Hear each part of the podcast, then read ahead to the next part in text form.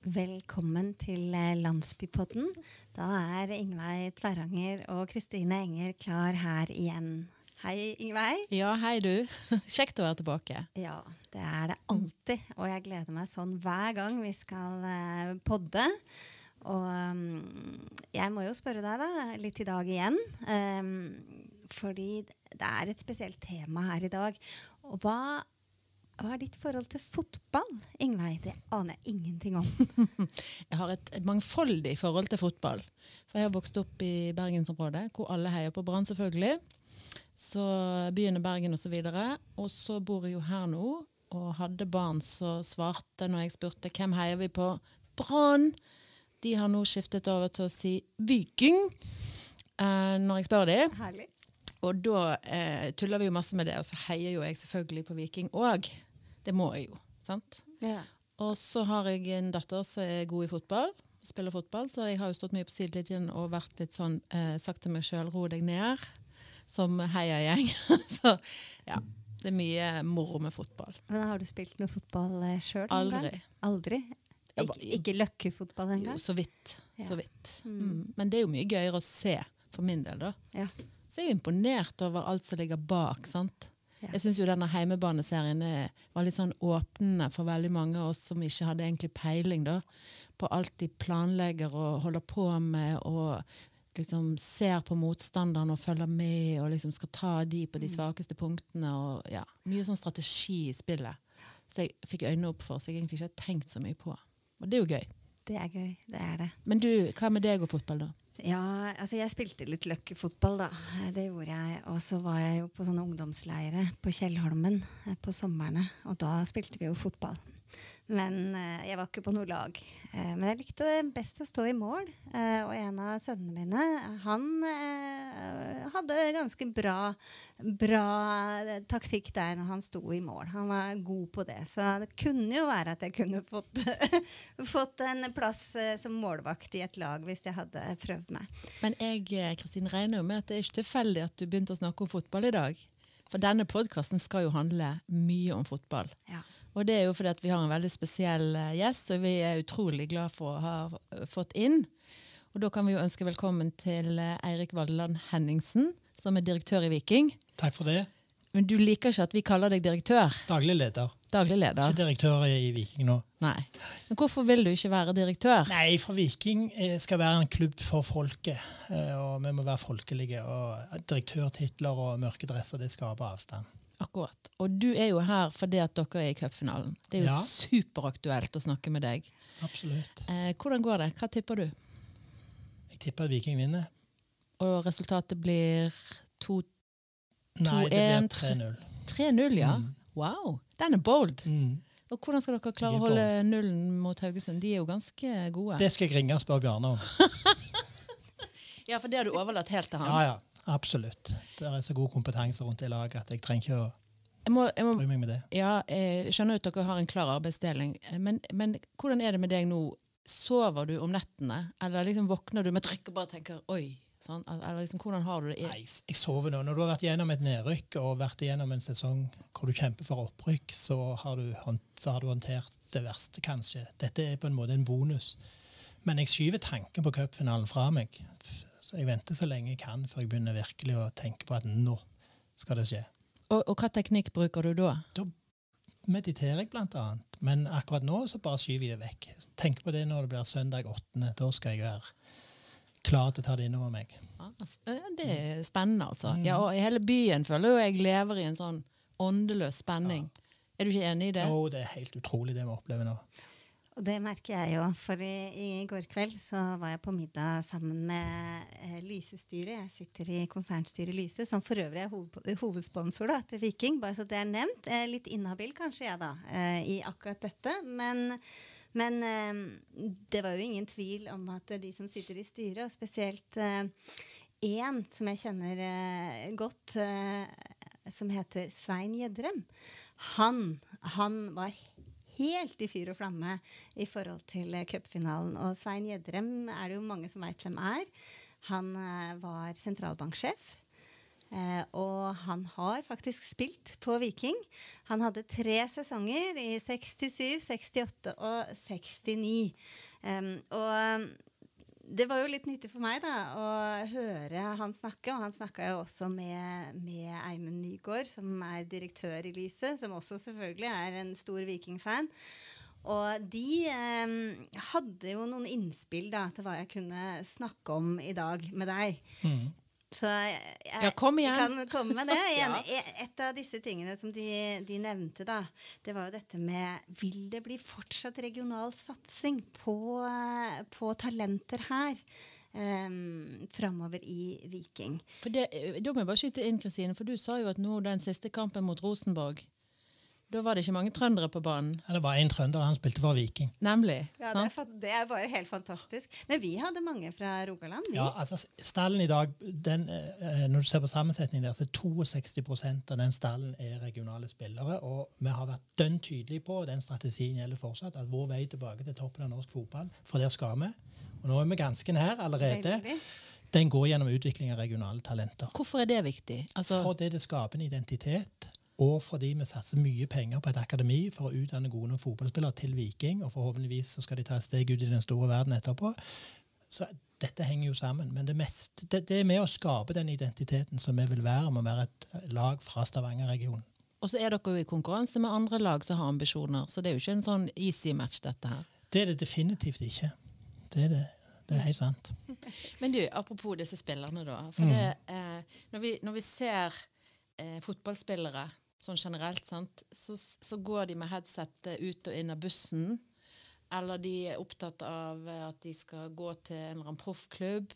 Altså Nå snakker vi klisjeer, sant? Absolutt, gjør og de har ambisjoner, og de vil være noe. Og de kanskje uttaler seg om et eller annet og, og får noen overskrifter her og der. Og da tenker jeg sånn, eh, Det er jo en gjeng med litt store egoer som vil noe. Hvordan er det å lede en sånn gjeng? Vi opplevde det ikke sånn, men først vil jeg spole litt tilbake. Altså, fotballmiljøet i Stavanger-regionen, det arbeidet som gjøres, gjøres i disse klubbene, det er helt formidabelt. Og Hvis ikke vi skal greie å utvikle gode nok fotballspillere til liga nummer 24, eller hva det måtte være i Europa, så er det en fallitterklæring. Så, så det er liksom den grunnleggende holdningen for oss. Og i Viking i dag så er det ingen stjerner. Det er et kollektiv som jobber beinhardt sammen for å prestere sammen. Ta ut det potensialet i hvert enkelt individ, og ikke minst i laget. Det er det det handler om. Så det er ingen primadonna-nykker i Viking. Men det er jo enkelte som utmerker seg. Det er det jo. Men det vil du ikke snakke om. Fremst blant, blant likemenn. Fremst blant likemenn. Men merker du at dagens unge menn da har en annen måte å gjøre ting på, eller tenker annerledes enn sånn som når du var ung? Eller yngre? Nei, jeg har ikke lagt merke til det. Generelt så er det jo en utvikling i samfunnet. og Ungdommen i dag er kanskje annerledes, men de som er i Viking, de vet hva som gjelder. Det er beinhardt arbeid, og det er ganske hardt regime. Det er ikke mange som går rundt med headset eller reiser med headset, med mindre de har fått lov til det. Vi har kontroll på mobiltelefoner. og ja, Vi, vi driver profesjonelt, og det gjenspeiler det vi, vi gjør hver dag. Og de spillereglene som spillerne må forholde seg til. For dere bygger et sosialt miljø, det er det du sier? Ja, jeg tror det er en av suksessfaktorene. Det Bjarne og teamet hans har greid å skape rundt lag, og det vi har greid å skape i klubben, er en avgjørende faktor for at denne sesongen har gått så bra. Jeg tenker eh, litt tilbake igjen i tid, jeg da, siden jeg har liksom gjort min research eh, litt, litt På 60- og 70-tallet. 60- og 70-tallet, ja. Um, fordi eh, på den tida så var det jo en fotballegende Mm. fra Randaberg som spilte. Reidar Goa. Og du kjente jo Reidar godt, du. Kan Ja, ikke du fortelle litt om det, Eirik? Jo, jeg er oppvokst i Visse Hageby, så jeg hadde jo gleden av å være mye på gården til Reidar. Og helst sammen med drengen hans, da. Så jeg har ridd på kyrne til Reidar og vært i grisehuset. Og så husker jeg jo godt eh, første gangen jeg traff Reidar etter jeg hadde fått denne jobben. så Det var et medlemsmøte i, i, i klubben. Og jeg skulle da presentere meg sjøl og si litt om hva tanker og planer vi hadde for fremtiden. Og da kom Reidar bort og holdt på å knuse høyrehånda mi, som han normalt gjorde. Og så sa han til meg Eirik, du må få til dette nå. Og det tok jeg med meg og har med meg ennå. Hva tenkte du når han sa det? Nei, Det var jo bare med å forsterke min motivasjon på å gjøre en så god jobb som overhodet mulig i Viking. Og så når du var ung og yngre og hang rundt på gården hans, da visste du liksom at han var en stjerne? da? Altså Visste du hvem du hadde med å gjøre der? Jeg greier jo ikke helt å spole tilbake. Jeg er født i 65, og Reidar spilte vel fra 66 til 77, var det Ja. det du sa? Ja. Eh, så Hvor bevisst jeg var i sånn 5-6-7-8-årsalderen, det vet jeg ikke. Men jeg fikk jo min debut på gamle Stavanger stadion i syvårsalderen, tenker jeg. Så vi visste godt hvem Reidar var. Så traff man jo en i, i, i Randaberg. Jeg har jo vært med rundt Randaberg. Og så da dette møtet, det første møtet etter jeg begynte i Viking. Og du er jo en eh, Randaberg-gutt minus ett år. Ja. Er det ikke sånn vi skal si Jo, det? jeg var ett år da jeg flyttet ut, men jeg føler jeg er i ferd med å bli akseptert som Randaberg-bu nå. Ja, det er godt å høre. Du, eh, du nevnte dette at det henger en sånn åndeløs spenning over vårt eh, område rundt Stavanger i disse dager. Eh, eh, kan du si litt hvordan du opplever det? Nei, Det er bare utrolig rørende å oppleve hvor mange som er interessert i Viking nå. Jeg har posta litt vikingstoff bl.a. på LinkedIn og Twitter. Og hva oppmerksomhet det får, det er, nei, det, det er utrolig kjekt nå. Vi har en medvind i ryggen. Så supporterne, vi setter en ny publikumsrekord, vi setter en ny rekord når det gjelder antall sponsorer. Det er et eventyr vi er med på. Så kjekt, da. Mm. Du er jo Eirik, en veldig engasjert mann. eh, og det er jo sånn som vi kjenner deg da, her i Randaberg. Og jeg tenkte Vi kunne jo si litt om det òg. Eh, for um, nå har du jo hatt det veldig travelt de siste fire åra. Mhm. Men før det eh, så hadde du tid til å, å bidra ganske mye her lokalt. Og jeg traff deg jo i forhold til det arbeidet som du gjorde med landsbyløpet, eller som ble kalt landsbytrippelen. Altså, Til slutt så var det både Det var løp Nei, sykkelritt var det. Det var det første, kanskje. Sykkelrittet. Det var jo fantastisk. Det var jo så enormt uh, mye folk som deltok. Og dere traff jo planken helt, du og Olav Nybø. Ja. Og så ble det løp. Og så trippelen, hva var det tredje? Rulleski. Rulleski, Og, og, selvfølgelig. og sånne rollerblades Ja, ja, ja. innenlands. ja, nettopp. Så, og det, det bidraget der til, eh, til Randaberg og regionen var eh, faktisk også veldig mye verdt. Ja. Eh, Det skapte mye engasjement og mye stemning, og der var du primus motor. Ja, ja, sammen med Ola. Det var faktisk tidligere Jeg husker ikke hva hun hadde, kommunikasjonssjef. Anne Berit Berge Ims. Jeg møtte henne og sa du, du må snakke med en annen som er veldig opptatt av sykkelritt på Randaberg. Og så førte meg og Olav sammen, og så ble dette resultatet. Og jeg tror jo kanskje det ikke minst var med på å bygge opp under landsbybegrepet her ute. For vi fikk mye oppmerksomhet, det hadde mange deltakere. Det var utrolig kjekt. Men du brant jo på en måte litt sånn for folkehelsen og få folk in action på Det var jo motiva motivasjon du hadde. Ja, ja. Jeg fikk jo krisen i 40-årsalderen og fant ut nå må jeg begynne å trene igjen og komme i form. Så ble det kanskje litt vel ekstremt, og så var det mye fokus på folkehelse. Trener du nå? Ja, nå er jeg i gang igjen. Ja. Nå springer, springer jeg litt, og så har jeg en sykkel, men den har stått på jobben en måneds tid nå. Men ja, Eh, bra. Det jo, du må jo nesten det. Du er programforpliktet til å holde deg litt i form ah, som leder for en stor fotballklubb. Men eh, du har jo spilt fotball sjøl òg. Mm. De må du nevne, de kampene du har eh, levert på. ja, jeg var jo med, og jeg spilte faktisk dobbelt noen år. Smågutt og lilleputt, jeg husker ikke alle begrepene. Men eh, jeg, hadde jo, jeg ga meg i, på, etter guttelagsperioden. Men så kom det en ny trener inn, og så skulle de absolutt ha meg med på juniorlaget. Og Der spilte jeg to kamper. Den første var mot Sunde. Da var jeg jo uheldig nok til å brekke foten på en. Legg mot legg, krasj. Så Dommeren blåste ikke frispark, men det var ganske, det var ganske traumatisk likevel. Ikke minst fordi vi var redd de skulle komme fra Sunde og banke oss etterpå. Og så hadde jeg en kamp på Jæren, jeg tror det var mot Frøyland. og Da var det en som hykte meg to ganger med ti minutts Det endte med at jeg dro til han, så da var det rødt kort. og Da ga jeg meg. Altså, du var ganske hissig på banen. Ja, jeg var ganske hissig generelt ganske lenge. Ja, har du liksom forsket på hvor det kom fra, eller? Nei. Nei. Jeg har bare akseptert at det var en del av meg. Og så har jeg jo jobbet med det siden, da. Ja, for du nevnte jo at du mediterer. Ja, gjør det. Er det for å håndtere temperament, eller er det mer for sånn eh, generelt eh, good feeling? det fordi jeg er veldig nysgjerrig på mye. Så jeg hørte et radioprogram, NRK P2 Ekko, som jeg for øvrig anbefaler på det sterkeste, om vipassana-meditasjon. meditasjon. Så reiste jeg hjem, eller Dette var på vei hjem eh, i bilen fra hytta, og så sjekket jeg opp, og så meldte jeg meg på.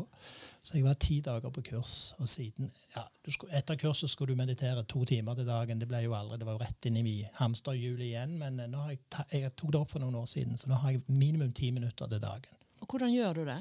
Da lukker jeg øynene, setter propper i ørene, og så mediterer jeg. Og lukker kontordøren. Ja. Ja. Så da vet folk at nå skal, nå skal han få ti minutter. ja, de ser når døren er lukket. Normalt så står den alltid åpen, alle er velkomne inn, men eh, da er den stengt, så da får jeg fred. Så de syns jeg er rar, og det er jeg jo, men sånn er det bare. Men eh, hva får du ut av det? Altså, Ro og fred. Og jeg nevnte jo det at eh, ikke minst i nedrykkssesongen og opprykkssesongen, hvor eh, spenningsnivået er intenst, så brukte jeg meditasjon til å greie å roe meg ned og håndtere tiden før kampen ble blåst i gang best mulig. Roligst mulig. men ser du at du på en måte leverer bedre i jobben din, eller har et bedre liv pga. dette?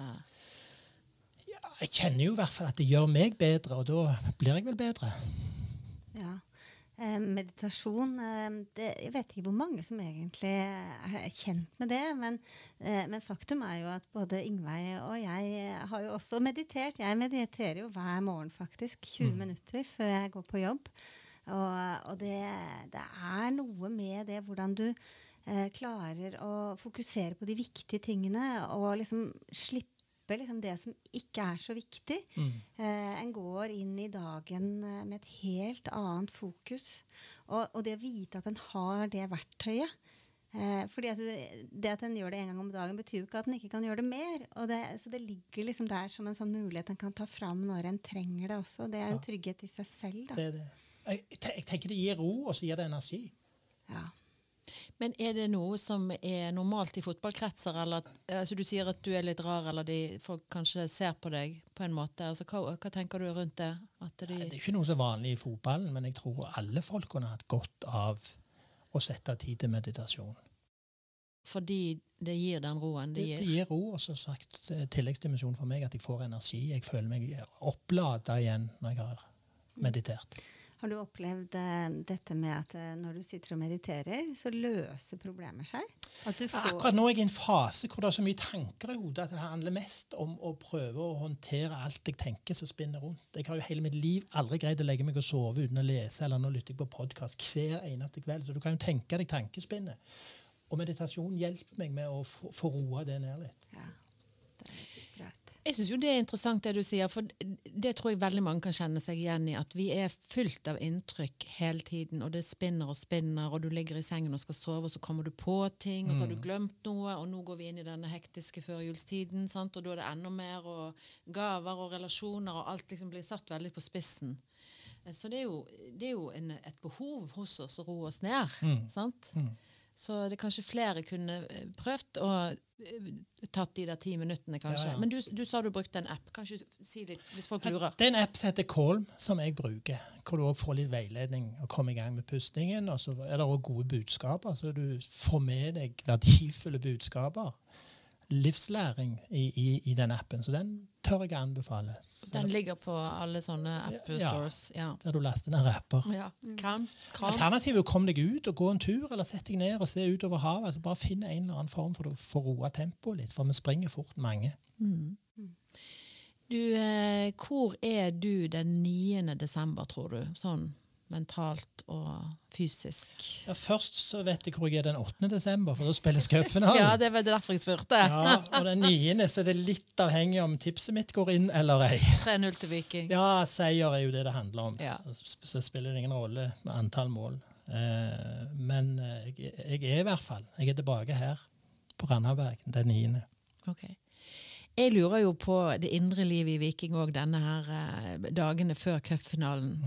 Er det sånn at dere sitter og leser og ser alle Haugesund-kamper, FKH, i alle vinkler og kanaler, og liksom analyserer de skikkelig? Hvordan, altså hvordan, si litt om den jobben dere gjør der. Ja, Nå er ikke jeg veldig involvert i det som skjer på sport, annet enn jeg vet hva som foregår. Jeg kan love deg at det blir brukt mye tid på analyse. Det gjorde vi jo òg før kampen vi spilte mot Haugesund i serien, og selvfølgelig òg nå frem mot cupfinalen. For det er langt på vei et sjakkspill, dette her. Det er mottrekk. Det er, det er trekk og mottrekk. Så vi, vi, vi kommer til å kjenne Haugesund veldig godt når vi møtes den åttende. Betyr det at dere har spioner på treninger og sånne ting? Nei, Eller? men vi finner jo alle kampene på nettet. Og det er verktøy som gjør at vi kan analysere hver eneste situasjon. Alt Haugesund har gjort, alle spillerne til Haugesund ja, Teknikken gjør alt tilgjengelig. Er det sånn at dere går inn på nettet og leser hva Jostein Grindhaug har sagt? Og måte Ikke i veldig stor grad, Nei. for ingen trenere sier så mye om strategi. og Hvis de sier noe, så vet vi at det blir i hvert fall ikke sånn. Oi, Så det er et spill i den mediegreiene? Ikke, ikke veldig, ikke, ikke veldig i, i norsk fotball, men det handler om det de har levert på banen, og hva, hva spillerne er gode for, og hva de er gode på. Det gjør det. Er det en sånn eh, psykologisk jobbing òg, hvor en tenker at en må på en måte utvikle den rette holdningen, og ikke ha den feil respekten for FKH? At dere på en måte må Ja, Det er ekstremt viktig å ha fokus på hva vi sjøl skal gjøre, og Nemlig. gjenskape de gode tingene, eller de tingene vi har vært gode på gjennom sesongen. Så, så du må dimensjonere dette, hvor mye tid du bruker på motstanderlag, og så må du ha mest fokus på hva vi sjøl skal gjøre. Det er det aller viktigste. Så attitude. Attitude er helt avgjørende i fotball. Vi har et eh, fast spørsmål til alle gjester. Jeg tenker kanskje det er tiden for å komme med det nå. Og mm, det spørsmålet er eh, hva betyr eh, Randaberg for deg? Veldig mye. Fortell. Nei, jeg er bare utrolig glad i landsbyen vår. Så de ler av meg der òg, når jeg begynner å snakke om Randaberg og spør hva, hva andre kommuner som har to statsråder, eller om de er klar over at Randaberg er den grønneste kommunen i Norge, hvis du ser på grønt areal og totalareal. Norges minste landkommune. Nei. Ja, Randaberg har betydd utrolig mye, og betyr utrolig mye for meg.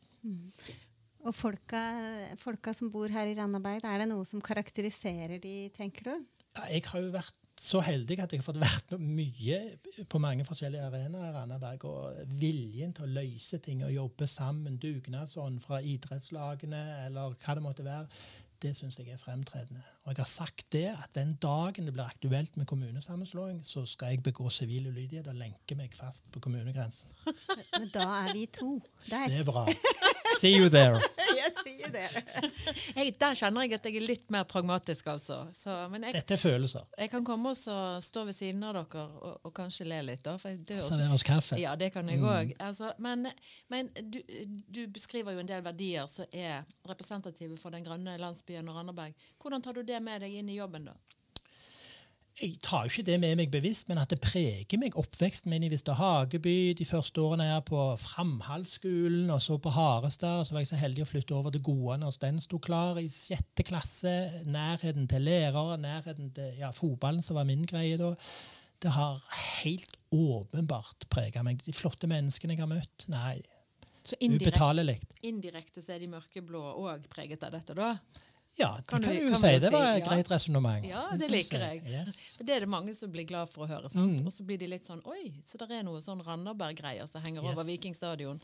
Nei, jeg er en stolt Randaberg-ambassadør. Men så kan jeg fort utvide det til å favne Stavanger og Sør-Rogaland og Rogaland og Norge. Så jeg, ja, hva de sier, kjærlighet multipliseres, den deles ikke. Det har jeg lært av mor. Mm, så bra. Mm.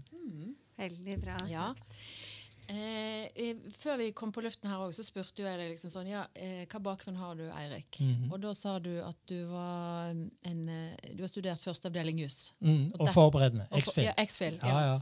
Eh, og da tenker jeg eh, eh, folk som skal bli ja, vikingdirektør, da. Jeg bruker det ordet, jeg liker det. bare sånn. Eh, er det normale skills å ha i toppfotball i Norge? Jeg har ikke peiling.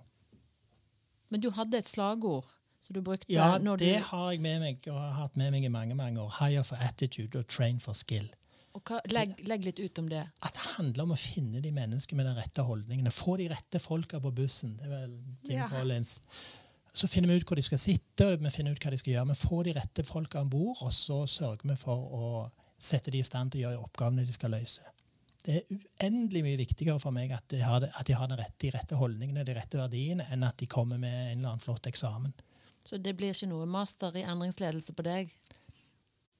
Det tror jeg ikke det blir. Nei. Jeg er stadig på jakt etter å lære å utvikle meg, men å sette meg på, på skolebenken igjen, det tror jeg ikke skjer. Spennende. Mm. Mm. Men skal vi eh, runde av eh, praten med deg, da, Eirik, og si tusen takk for at du kom? Og så krysser vi fingrene og alt vi har for at det blir det resultatet som du ønsker deg. Ja, masse lykke til. Og kvart over ett på søndag på NRK, Mm. da begynner kampen. Og da skal vi sitte klar og se. Begge to, både Ingveig og jeg. Det er godt å høre. Ja, ja. Og så må dere liksom bare virkelig eh, ta den hjem. Jeg syns òg også du skal gå på en eller annen morobutikk og kjøpe en sånn kanon med gulldryss som du har i baklommen. så du bare... Ikke mannen for det store effekter. Jeg har skjerfet mitt, jeg greier meg godt med det. Står du der og utover eh, Ullevål og bare poffer den? Har ikke det vært gøy? Jo, det kommer nok det. Takk for besøket. Takk for meg. Tusen takk. Ja, hva skjer, er jo neste eh, spalte som vi har. Og da har vi vel egentlig sagt hva som skjer. Eh, Det er søndag som gjelder. Det Søndag er eh, 8. 8. desember, Ja. klokken 13.15. Mm, Cupfinale. ja. Det er det som Og skjer. da er det Viking mot Haugesund. Ja. Så det er jo et rogalandsoppgjør, dette her, da. Det er, litt, det er jo litt ekstra stas, eh, det. Men eh, det, skje, det har skjedd noe mer òg, som jeg syns kan være greit. Som er litt sånn knytta til dette med cupfinalen. Ikke bare litt, ganske mye. Fordi det er kåra en låt. En, en eh, Viking cupfinalelåt. Og den heter 'Besta som har hendt meg'. Det er en musikktrio som består da Den heter Gilberdal. Og den består av Tor Kjetil Espedal fra Randaberg, Øystein Gilje fra Ålgård og Kjell Emil Berge fra Finnøy. Og jeg vil oppfordre alle til å høre den låta.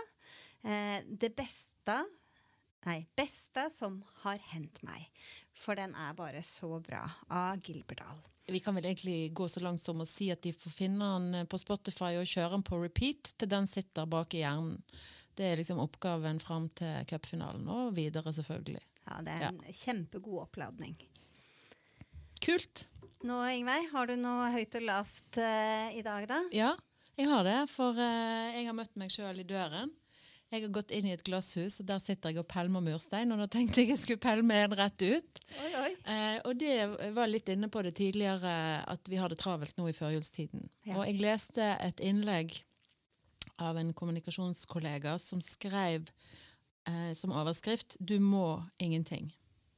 Og det er jo en visdom som jeg føler at jeg må minne meg sjøl på nå i disse tider, for vi må faktisk ingenting. Det betyr at du egentlig kan vurdere alle ting som flyter inn til deg som du føler at du må gjøre, eller føler at du burde gjøre. Ja. Det kan du bare evaluere og så si sånn, hva er det jeg egentlig vil?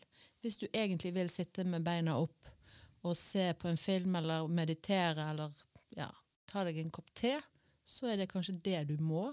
Så bare vær litt sånn kritisk til alt du føler at du må. Det er liksom det jeg Ja. har lyst til å si. Og heller kjenne på om det er noe du vil. Mm, følge hjertet og din Ja. egen ønske. Ditt eget ønske. Oi, Ja. den, eh, skal, den skal jeg ta med meg, for det trenger jeg. Tusen takk. Men du har jo ditt grønne hjørne Jeg har mitt grønne hjørne, og Ja. eh, det er da altså eh, et tips til julegaveønske. Det er et sett for bokashi kompostering.